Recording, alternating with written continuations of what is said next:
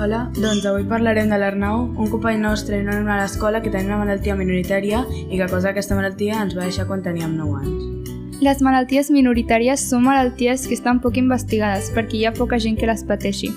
Durant aquest capítol d'avui coneixerem l'Arnau des de diversos punts de vista, com a amic, com a familiar i com a alumne, i us podreu anar fent una idea de com era aquesta persona.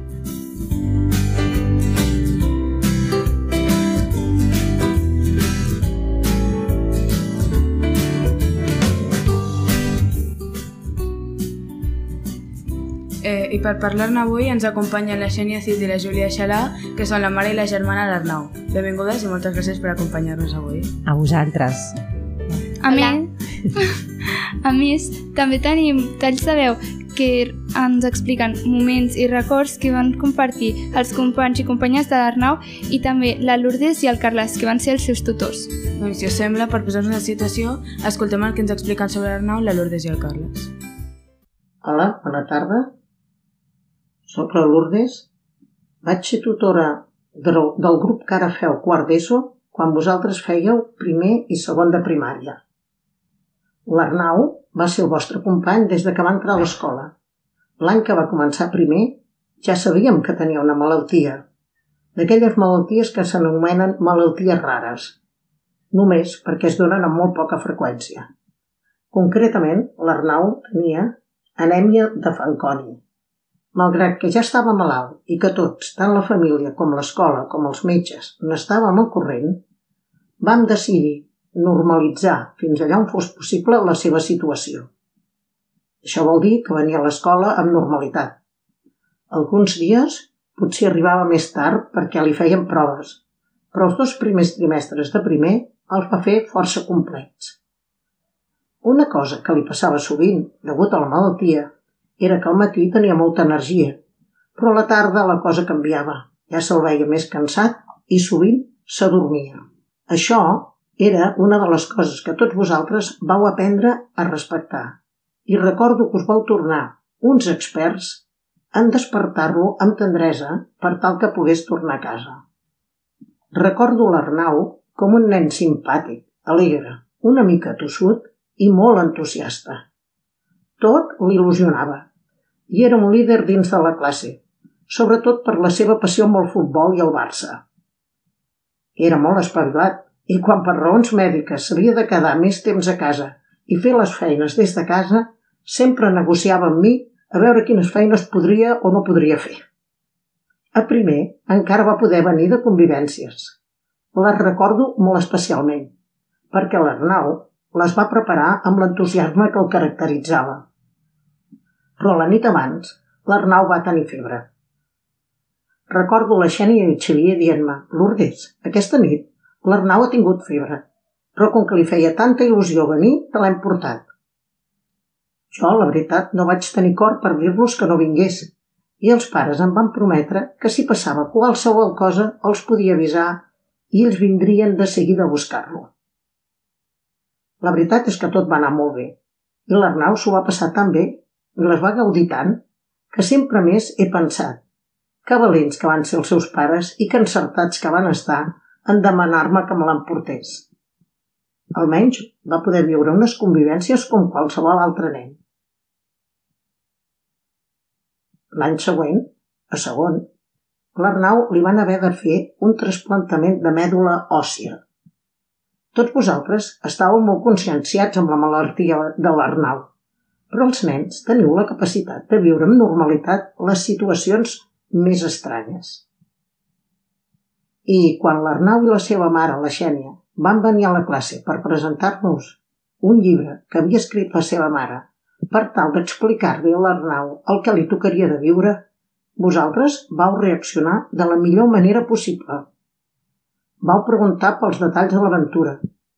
Vau preguntar si es podria banyar, com hauria d'anar al lavabo, quin joc s'emportaria a la càpsula, etc. L'Arnau, que anava molt ben preparat, us va anar responent fent broma i tot. Va ser una conversa la mar de divertida. Hi va haver un nen, però, que es va atrevir a preguntar-li si hi havia la possibilitat de morir-se. La Xènia va respondre que sí, però immediatament l'Arnau va dir que ell no tenia cap intenció de morir-se i que viure en aquella petita habitació de l'hospital, aïllat i sense poder veure ningú, seria com anar a fer un viatge amb un coet especial. Així era l'Arnau, valent i divertit a la vegada. Recordo, amb molta emoció, la primera videotrucada que vam fer amb l'ordinador de la classe. La pissarra digital i la tablet que tenia l'Arnau a la seva càpsula.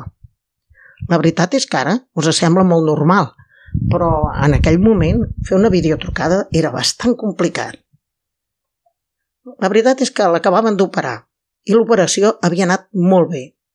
Ell estava eufòric i vosaltres tots volíeu parlar amb ell i saludar-lo. Imagino que per ell devia ser una estona força distreta, però a mi em va semblar un autèntic caos.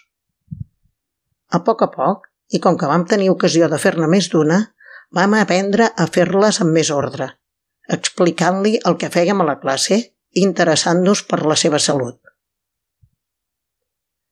Més endavant, quan l'Arnau ja va estar una mica més recuperat, recordo que amb les vostres famílies vau anar a veure'l a les portes de l'hospital i també li vau organitzar una festa de benvinguda quan va tornar a casa. Tot això va fer que entre tots, les famílies, l'escola i la família de l'Arnau, hi hagués una connexió ben especial. Sabeu què vaig aprendre de l'Arnau? Doncs que la vida no és ni més ni menys dramàtica i que s'ha de viure plenament i tal com ens ve. Que és important valorar allò que tenim en cada moment, sobretot l'amistat dels que ens estimen i ens valoren. Finalment, sempre recordaré el riure de l'Arnau. Us puc assegurar que tenia un riure que s'encomanava. Reia fent autèntiques riallades. La Lourdes ens ha parlat de moltes coses que ja anirem comentant, però ens ha parlat de la malaltia que tenia Arnau, l'alèmia de Fanconi. Ens podeu explicar com afecta aquesta malaltia a les persones que la pateixen? Eh, L'anèmia de Fanconi és una malaltia que afecta la mèdula i a poc a poc aquesta, la mèdula, la mèdula òssia doncs, eh, deixa de funcionar. Al principi doncs, les, les, bueno, la, les conseqüències doncs, són pues, que aquest nen, com lògicament deia la Lourdes, va cansat, eh, doncs eh, li veus que, bueno, que es va com apagant.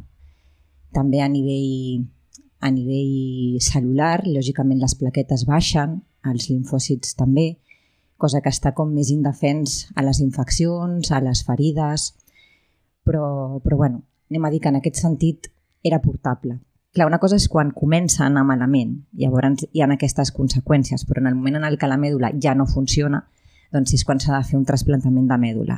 I és aquí on ens trobàvem amb l'Arnau, que la mèdula ja no li funcionava i vam tenir que fer un trasplantament de mèdula perquè, evidentment, doncs les conseqüències eren molt greus, eren mortals. Vull dir, ell estava en una situació indefens, indefens total. El risc de fer un trasplantament de mèdula també és, és, era, era era elevat, no? perquè al final podia sortir molt bé o podia sortir malament, però no ens podíem permetre no fer-li, perquè no fer-ho era, eh, bueno, era destinar-lo directament a, a que no se n'en sortís. I en canvi amb el trasplantament teníem l'esperança de que si anava bé, doncs ell podria tenir una oportunitat de, de viure com, com qualsevol altre nen. Sí que el fet de tenir aquesta malaltia eh, el que li provocaria de per vida, en el cas de que hagués eh, sobreviscut a, en el trasplantament, és que ell doncs, tindria sempre una predisposició a patir eh, càncer o leucèmia, per la qual sempre estaríem parlant d'un escenari bastant dur i cruel, però bueno, eh, sempre avançàvem que ens en sortiríem. Però, però bueno, la veritat és que no va ser, no va ser el nostre cas i, i bueno, hem d'acceptar-ho. Com recordeu aquells dos anys amb la Lourdes, a primer i segon de primària? Doncs mira, ara estava escoltant les paraules de la Lourdes i m'emocionava moltíssim perquè, tot i que evidentment va ser, van ser dos anys molt caòtics, amb moltes pors, amb molta inseguretat i, i bueno, doncs, imagineu-vos com a pares no saber, no saber el, que, el que passarà demà.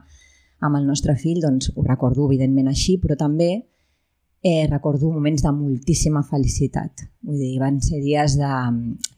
La Lourdes ens va posar també les coses fàcils i vosaltres com a companys vau ser excel·lents amb ell i, i crec que tot això va ser com un còctel que va fer que, doncs, que fossin uns anys dintre de l'Udus, anys molt feliços. I què és el que us va fer pensar que l'Arnau tenia una malaltia? Mira, quan va néixer jo sempre vaig tenir la sensació de que alguna cosa no anava bé i va ser com un instint que vaig tenir des del dia del seu de naixement i, i que realment, doncs mira, no em vaig equivocar. Però, però realment ens vam donar compte més endavant no? que, que es va confirmar quan realment aquest cansament que, que comentava la Lourdes, no? hi havia com pinzellades de coses que no quadraven, no? que deies, ostres, no pot ser que eh, pues això, aquest cansament, aquestes ulleretes que fa, hi havia com uns trets molt característics que, que no eren normals, que no es veien amb altres nens. I, i bueno, pues, portant-lo al pediatre i dient-li, escolta, no el veig bé, doncs van decidir doncs, fer-li una analítica per, bueno, per veure què, què és el que podia tenir, què podia tenir l'Arnau. Quina va ser la reacció de l'Arnau en saber que tenia aquesta malaltia i com se li pot explicar a un nen de 5 anys que té una malaltia com aquesta?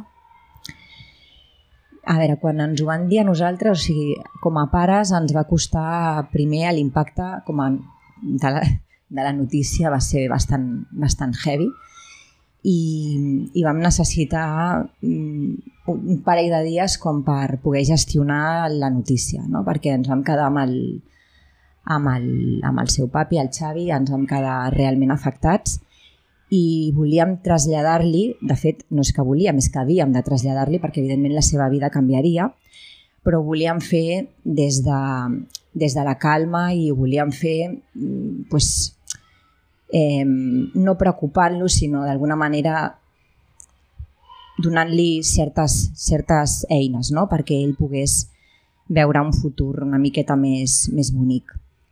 Llavors no ho vam fer immediatament, ens vam donar uns dies per poder-ho fer i, i el, el tema és que com que no sabíem com fer-ho, jo vaig escriure un, en, un, en un paper, vaig escriure un conte molt improvisadament perquè creia que era la manera en què un nen de 5 anys podia entendre aquells termes, no? perquè vull dir, estàvem parlant de paraules que, que ell tampoc no, no les sabia ni, ni entendre ni, ni com si nosaltres no les sabíem gestionar, doncs imagina't ell amb 5 anys i vam decidir doncs, bueno, doncs, fer aquest conte i ho vaig fer a través d'aquest conte li vaig explicar no sé, potser als 4 o 5 dies més o menys de que ens ho diguessin no, no recordo exactament els dies que van passar i la veritat és que ho va rebre d'una manera que encara m'impressiona ara no? ell va acceptar el que tenia amb, amb una maduresa absolutament brillant i,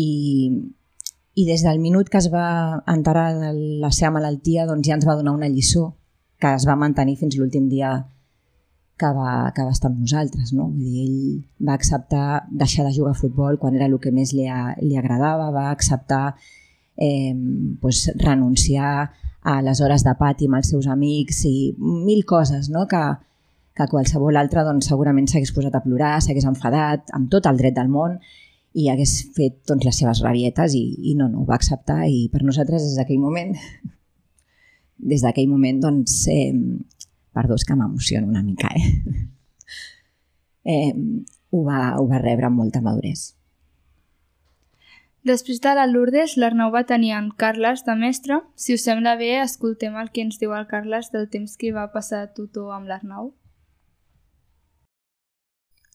Hola a tothom, sóc en Carles. Eh, vaig ser tutor de l'Arnau i els seus companys i companyes quan feia tercer de primària, el que va ser el seu últim curs a l'escola. Ara ja porto uns quants anys fent de mestre, però us ben asseguro que no em costa gens traslladar-me al 2014 i al 2015, perquè suposo que com ens deu passar tots els que vam conèixer l'Arnau, tenim un racó dins nostre on conservem totes les vivències que hi vam compartir. Recordo perfectament el primer dia que vam estar junts, amb la Lourdes vam anar a casa seva a presentar-me i allà vaig conèixer els components d'aquesta família admirable, amb una Júlia molt petita que just començava a fer tres llavors, i l'Arnau, que tot i mostrar-se una mica vergonyós al principi, de mica en mica s'anava deixant anar i mostrar el seu somriure i la seva simpatia, dues de les tantes i tantes virtuts que ens va ensenyar. Aquell setembre, però, l'Arnau no va poder venir a l'escola, però el teníem ben present gairebé cada dia. Cada cop que fèiem alguna activitat, sempre sortia algú dient «I l'Arnau com la farà? L'Arnau pot fer? L'Arnau vindrà? L'Arnau hi serà?» De tant en tant fèiem alguna cosa supermoderna en aquell moment, que eren les videotrucades. Era una estona molt esperada per totes i tots. Molt sovint els de l'altra classe s'enfadaven perquè també volien ser presents. Just acabàvem de parrejar els grups de segon a tercer i clar, molts dels seus amics i amigues també volien veure'l i estar compartint uns minuts amb ell. El primer dia que va poder venir a l'escola a veure'ns va ser molt especial. Recordo com havíem d'estar controlant les ganes de tots perquè no se'l mengessin a petons i abraçades. Cuidado, aneu en compte! Però clar, és que tots volien estar al seu costat. Aquell curs de tercer també van viure dos esdeveniments molt destacats. Van poder participar a l'espot que l'empresa TMP, la de Transports de Barcelona, dedica cada any a la lluita contra alguna malaltia. Aquell 2014 el dedicaven a les malalties minoritàries i no hi podien pas faltar. Va ser una experiència molt gran. Una cançó, un viatge en autobús descapotable i el millor, al final, l'arribada a l'hospital on des de dins l'Arnau ens saludava ben content mentre li cantàvem la cançó de l'espot. I al març va arribar l'activitat estrella d'aquell any, l'obra de teatre. La classe interpretava La volta al món en 80 dies. És clar, si en Phileas Fogg va aconseguir fer aquest viatge, com no podia sortir l'Arnau? Així que des de casa va complir amb el seu paper com tots els altres. Ell, com a bon periodista i millor presentador de telenotícies, ens anava informant de la situació dels protagonistes d'aquesta aventura a mesura que avançaven, que si ara estaven a la Índia, que si ara estaven al Japó, que si passava això, passava allò... Els aplaudiments del públic, cada vegada que baixava i pujava la pantalla per veure'l explicant la seva part, els hauria sentit des de casa, no ho dubto pas. I així en moltes altres coses va acabar aquell curs, el que va donar pas a l'estiu que ens el va prendre injustament. Si l'últim any amb l'Arnau va ser especial, també ho va ser el primer sense ell per tots. Les companyes i companys van mostrar des del primer dia de setembre tot el que l'Arnau els havia estat ensenyant durant tot aquell temps, i es van fer forts, com ell, amb unes emocions que mai havien sentit fins llavors. Mentre dic això, em ve el cap que Arnau mm, comença amb la lletra A, la A d'amor, d'amistat, d'alegria... La veritat, no crec que no hi hagi paraules millors per definir-lo.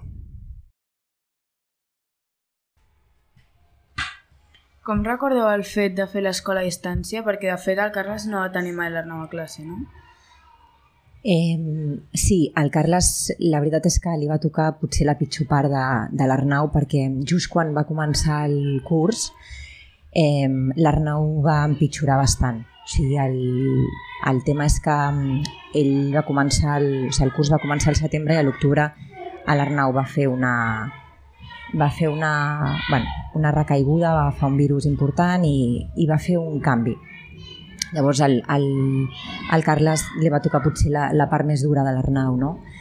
Llavors les videotrucades eren com, per, tant per vosaltres com per nosaltres, eren com eren una miqueta d'aire, no? Era com sortir una miqueta d'aquell món de d'aquell món d'aquelles quatre parets no? que al final estàvem tancats allà dintre i, i que ella es pogués d'alguna manera eh, contagiar de la vostra alegria, de, de, de, de la normalitat de qualsevol nen de, de l'escola, no? que va a l'escola. Llavors, bueno, ara sembla molt fàcil no? fer una videotrucada amb tot el tema de la pandèmia, doncs està com molt, molt utilitzat, però en aquell moment no, no ho era així i era algo que tant vosaltres com nosaltres doncs, ho rebíem amb, amb molta emoció. Us preocupava que l'Arnau perdés classe i deixés d'aprendre coses que treballàvem a l'escola? Doncs al principi no et diré que no, clar que sí, al principi era, era clar, evidentment com a pares volíem el millor per ell i l'educació era part d'aquestes aquest, condicions no? perquè ell tingués una, una vida plena, però, però també és veritat que quan es va anar, bueno, quan va anar empitjorant va deixar de ser una prioritat. No? Ella, el, el tema de la salut anava per sobre de tot i l'important és que tirés endavant i que pogués sortir d'això.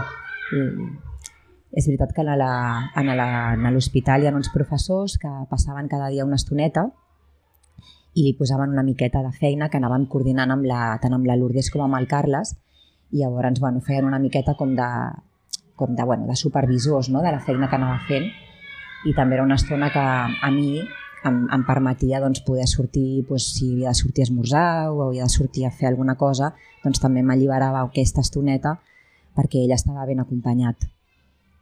L'experiència de les videotrucades que ens explicaven l'Ordes i el Carles també ens en parla l'Oriol i ens diu com a veure com anem. L'experiència de les videotrucades um, la recordo com un moment una mica dur perquè veiem a l'Arnau des de l'hospital a vegades amb vies o altres coses que duia i també pues, com el tractament era molt fort, també pues, el veiem a vegades que se li queia una mica el cabell o qualsevol cosa. I bueno, això recordo com un moment dur. Com hi havia l'Arnau el fet de no poder anar a l'escola? Clar, al principi, al principi ell, ho trobava molt a faltar, no? Dintre d'aquesta acceptació que ell va tenir sempre des del primer moment, que, que mai es va queixar i que, bueno, doncs, com us deia, amb maduresa va, i, i en certa resignació doncs, va, va portar-ho sempre, eh, ell us trobava moltíssim a faltar. Ell, clar, d'un nen que amb l'activitat que ell sabeu com era, no? un nen amb ganes de, de fer mil coses, sempre content, eh, amb els amics, de cop i volta doncs, els seus companys eren els metges i la seva mare, no?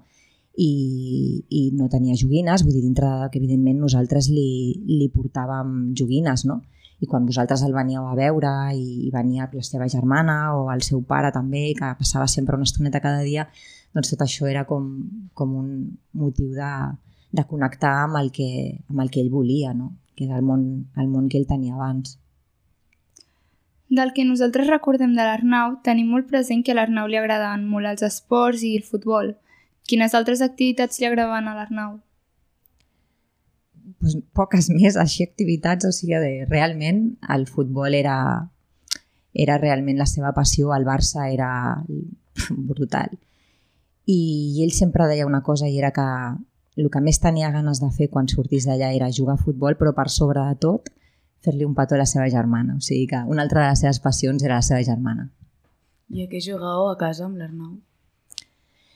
Doncs la veritat és que ell era un nen que jugava molt, li agradava molt jugar a ell amb els clics, amb els Playmobils, jugava a futbol, jugava amb els, amb els... Eh, era molt solitari en aquest sentit jugant, era un nen que es distreia molt ell sol amb els, amb els Playmobils. Després ja, quan va néixer la Júlia, eh, ja vam, ell va compartir joc amb ella i, i sí que a vegades el veies jugant a cuinetes i a cosetes que ella doncs, acabava convencent-lo i, i així a nivells jocs familiars doncs, bueno, en una miqueta, una miqueta de tot, no? jocs de taula, eh, però, però sobretot els Playmobils eren per a l'acció el que més li agradava.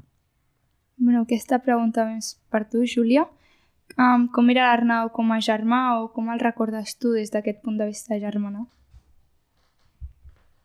No sé, jo no recordo moltes coses d'ell, però sí que de fotos i coses m'han... bueno, m'he com m'he après més coses en... sí que els papes no paren d'explicar-me coses que ell feia o que em deia i, i bueno, doncs per mi era molt bon germà i no sé. També tenim alguns talls de, de companys nostres que expliquen com era l'Arnau i si sembla bé t'escoltem. Sí, tant.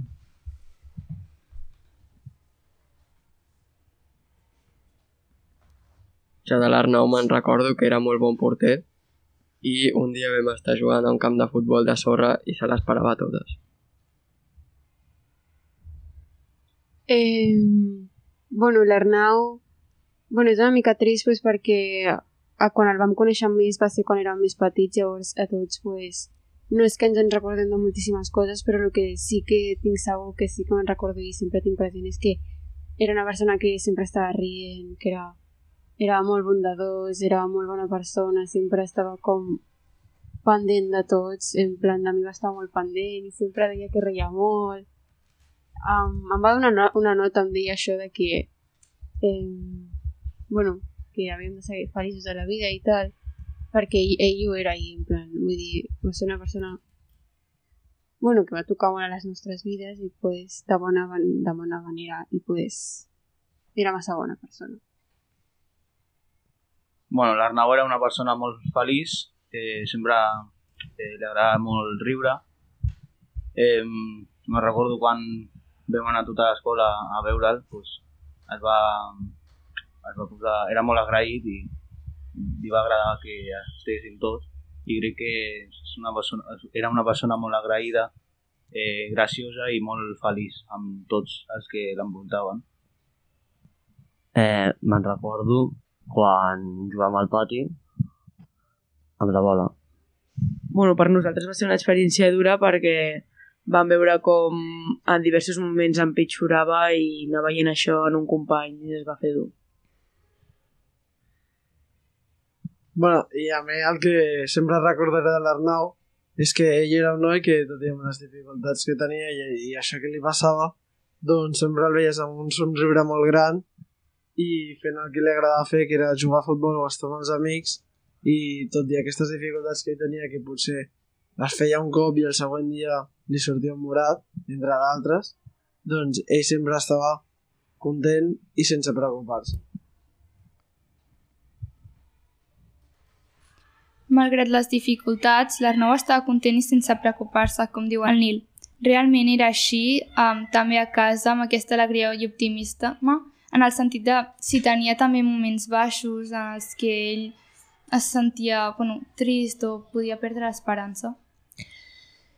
Doncs t'he de dir que, que mai ens va mostrar eh, aquesta sensació de por o de tristesa fins a l'últim moment. O sigui, sempre, sempre, sempre eh, ens va traslladar la seva alegria i ens va donar força a nosaltres.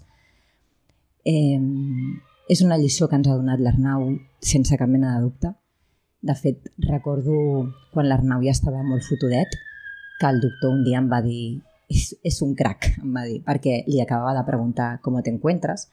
I l'Arnau li va dir estoy perfecto i no estava perfecte, lògicament no estava perfecte i, i ell no volia preocupar, ell acceptava les coses com estaven i, i el que volia era doncs, fer feliç a la gent que tenia al costat.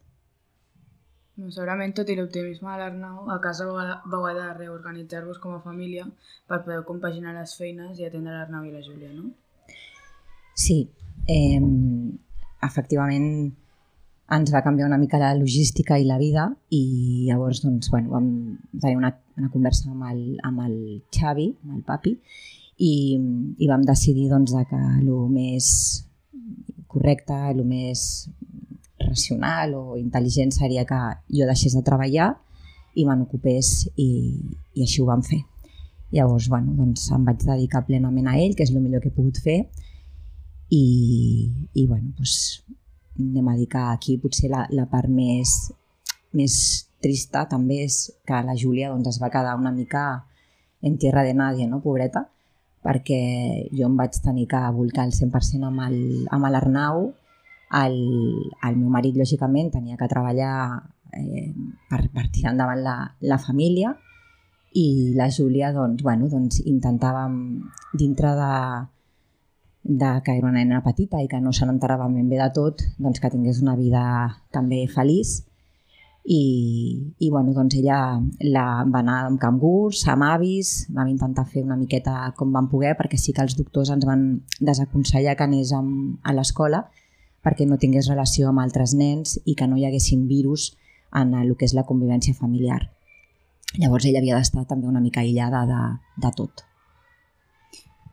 Bueno, dintre aquests moments crítics heu comentat algunes persones que us, veu ajud que us van ajudar. Recordeu algú en especial que us ajudés?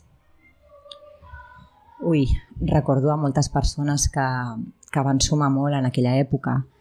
Eh, no només eh, a nivell doncs, familiar, que, que han sigut persones que evidentment ens han ajudat amb el, amb, fins i tot amb quedant-se alguna nit a l'hospital i, i, i, no sé, venint-nos a, a fer una abraçada, sinó també amb amics que han estat molt propers i que a mi personalment eh, tinc les, les meves mosqueteres, no? que van ser unes amigues que em van acompanyar en tot el procés i que jo crec que gràcies a elles doncs vaig poder veure una miqueta de llum no? en tot això perquè sempre em van, em van donar molta força i no em van deixar que, que tirés la tovallola. Després també l'escola, doncs, evidentment, doncs, Lourdes, Carles, eh, van ser persones que la ONA també, lògicament, perquè també des de l'altre grup també va tenir un paper important eh, i l'escola en general, eh? Vull dir, van, vaig sentir el, el calor de l'escola, no només en el procés de la malaltia, sinó quan, quan l'Arnau se'n va anar, no? que, que em vaig sentir també molt acompanyada.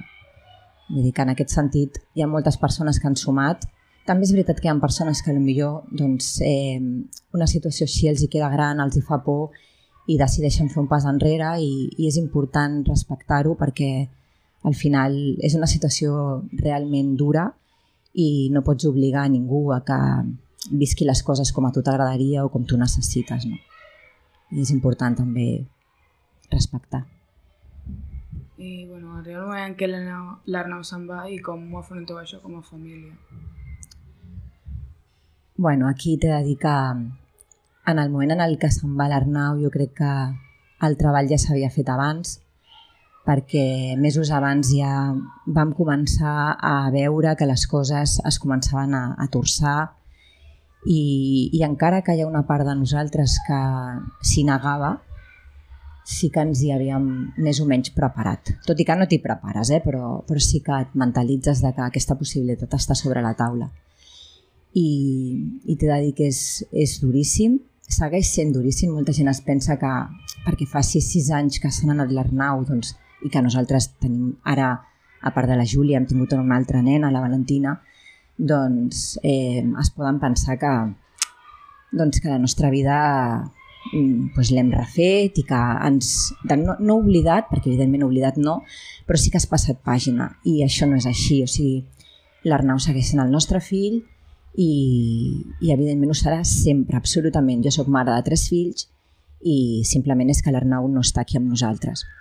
I és un procés que, que, no, que no supera, simplement, simplement l'acceptes. Com ell va haver d'acceptar la seva malaltia, doncs nosaltres hem d'acceptar doncs, que ell se n'ha anat.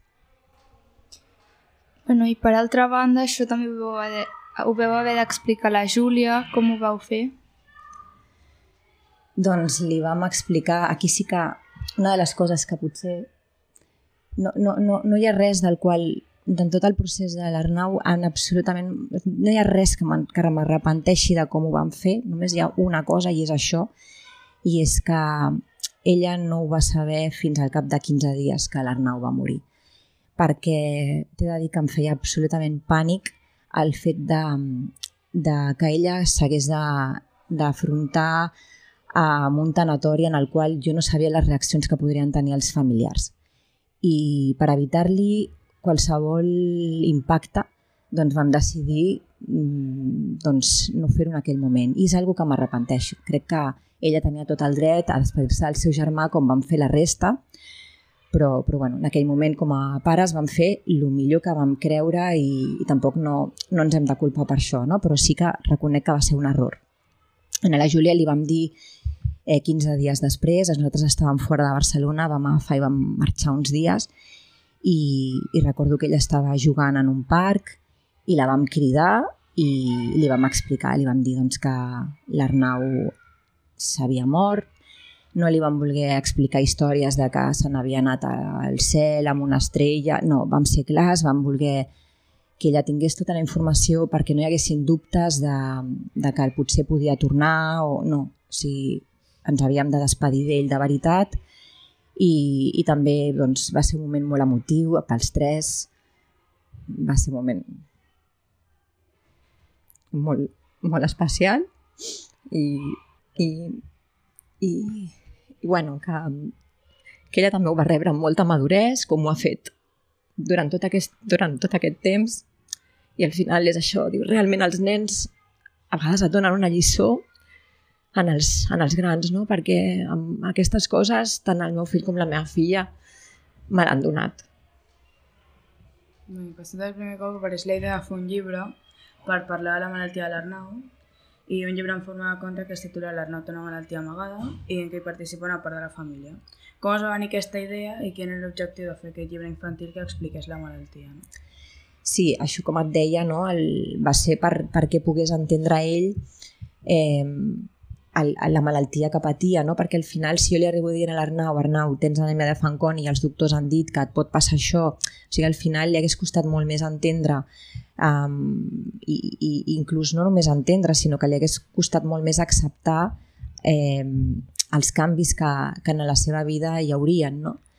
Eh, el fet d'explicar-ho d'una manera doncs, al seu nivell, no? amb, amb, l'idioma que, que, que tenia ell en aquell moment, que eren 5 anys, doncs li va permetre entendre-ho i fins i tot ell estava supercontent del ser el protagonista d'un conte no? I, i, i bueno, doncs no sé, crec que va ser un encert. Ara fa poc que ens han dit que has tret un nou llibre, Xènia. A qui va dirigit i de què parla? Encara no l'he publicat, però sí que és veritat que el tinc escrit i espero que aviat ja estigui, ja estigui publicat. És un llibre en el qual eh, explico una miqueta en primera persona la, la nostra història i, i sobretot el que explico és que o sigui, tot i que és un, evidentment és una història que és trista, no? perquè és la mort de, del meu fill i, i no deixa de ser un dol, eh, explico com he sigut capaç de transformar aquest dolor tan gran que és la, com és la pèrdua d'un fill amb, amb amor. No? I, i, i, i realment el poder que té eh, poder gestionar eh, el dol des de l'amor perquè és transformador, no només per, per com el aconsegueixes viure tu, sinó com aconsegueixes que les persones que tens al costat també ho visquin així.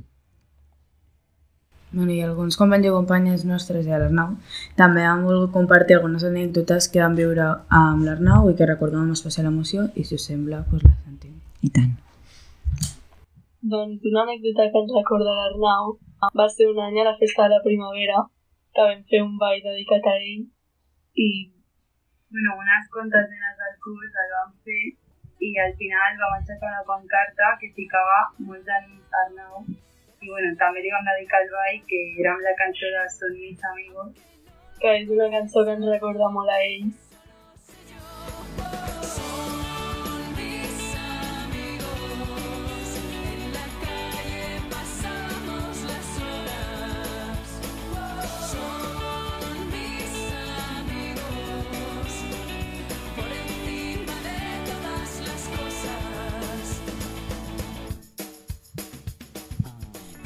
Em, jo recordo que quan ell estava malalt, però una de les vegades que no estava a l'hospital sinó que estava a casa, el vaig anar a veure i vam jugar a les pales i amb una pilota i bueno, cap dels dos li donava la pilota però va ser molt divertit i ens ho vam passar molt bé. pues jo me'n recordo quan anava a casa de l'Arnau quan tenia l'alta, eh, ens posàvem a jugar a futbol i quan em tocava a mi ser de portera eh, m'estirava al terra perquè no entrés la pilota i Bueno, és que pot semblar una tonteria, però érem molt petits, ho teníem com 4 anys. Però...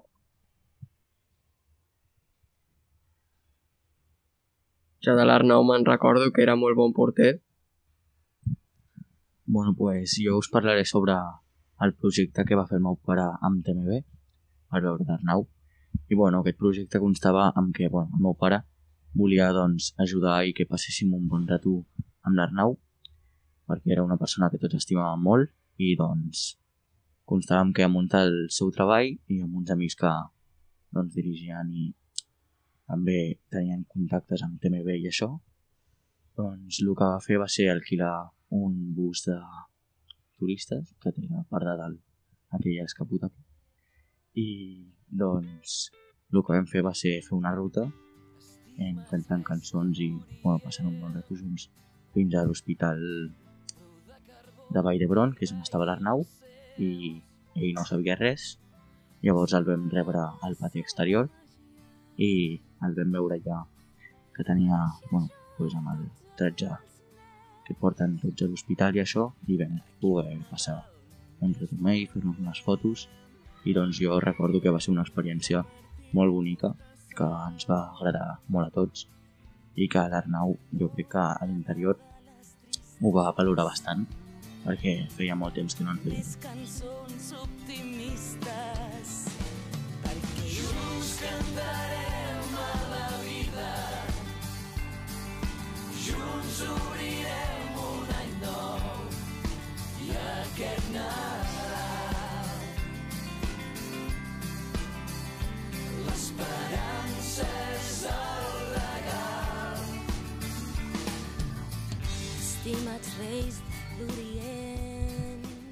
Ja per anar acabant, quin missatge donaríeu a les famílies que estiguin patint una malaltia minoritària?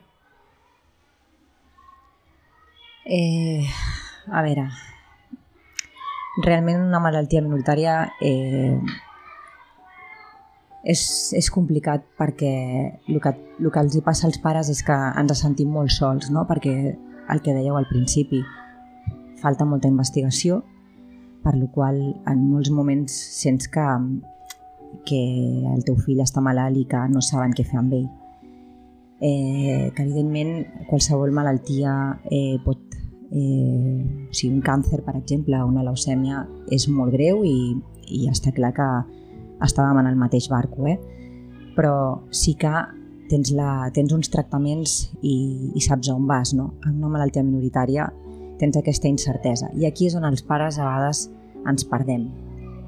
Jo els, els diria que no perdin l'esperança, lògicament, i dintre de les minoritàries també n'hi ha, ha greus, n'hi ha que no, no ho són gens, que, no, que simplement pues, evidentment són incòmodes, o, però que intentin eh, demanar ajuda sempre que ho necessitin i que intentin viure la vida des de l'amor, perquè penso que quan vius des de l'amor t'enfoques des de no sé, t'enfoques amb les coses bones, no amb les que et falten, no amb les que no tens, i no només vius més feliç, sinó que al final és el que deia, no? que acabes fent més feliç en el teu fill, en la teva filla, en els teus germans, en els teus amics, i, i al final bueno, és escollir com ho vols viure, si des de la tristesa, des de la ràbia o si des de l'amor més absolut.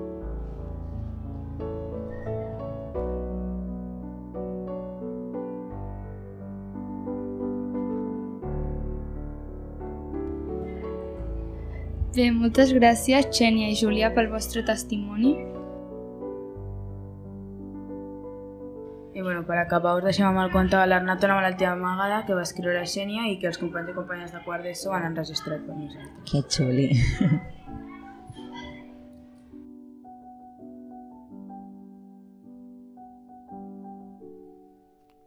Hola, sóc l'Arnau. Avui torno a anar a l'hospital amb els pares. No sé ben bé què tinc, però veig que els pares estan molt per mi. La mare em regala un somriure i el pare l'abraça i li diu que tot anirà bé. A l'hospital m'han fet una revisió i demà m'hauran de punxar per treure'm sang. Quin rotllo! A mi no m'agraden les xeringues. Prefereixo les fletxes i disfressar-me d'indi. Quan hem sortit de l'hospital he preguntat a la mare per què sempre hem d'anar al metge. Si a mi no em fa mal la panxa, ni el cap, ni el peu, ni les orelles, ni el nas. Si a mi no em fa mal res. De camí cap a casa, la mare m'ha explicat que tinc una malaltia.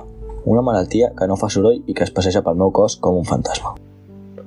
Com que no sento gens de dolor i la malaltia no parla gaire, és molt important que vagi sovint al metge.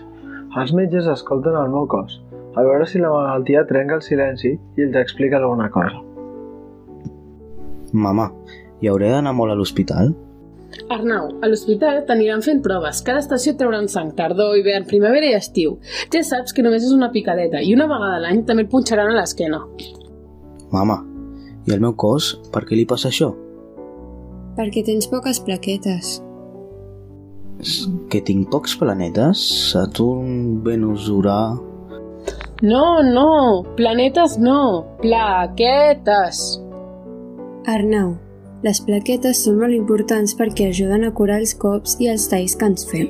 I tu, fill, en tens molt poques. És clar, i la malaltia també fa que tinguis pocs glòbuls blancs i vermells, que són importants perquè ens curen les infeccions. És per això, mama, que em surten aquests blaus tan grans quan em dono un cop? I per què no diem al meu cos que faci més plaquetes i més glòbuls blancs i més de vermells? D'això s'encarrega la medula, que és com una fàbrica. A la teva li costa molt de produir-ne i si la fem treballar massa, algun dia potser estarà tan cansada que no tindrà forces per continuar funcionant. Mama, i es pot reparar la mèdula? La mèdula és com les piles de les joguines. N'hi ha que es poden recarregar i d'altres que no. La teva mèdula, Arnau, no es pot recarregar. Papa, i què passaria si la meva mèdula s'esgotés? Doncs el mateix que amb les piles que no es poden recarregar. L'hauríem de canviar. Però què és? La meva germana Júlia, els avis, els avos, els tiets, tots m'estimen així, tal com sóc. Faré cas als pares, faré cas als metges. Em cuidaré molt. Em menjaré tot el que em posin al plat per estar ben fort i vigilaré de no fer-me mal. I els amics? També ho explicaré als meus amics. Així, quan juguem, segur que aniran amb compte de no donar-me cops. I la propera vegada que torni del metge, podrem celebrar tots junts que no m'han baixat els planetes. Plaquetes.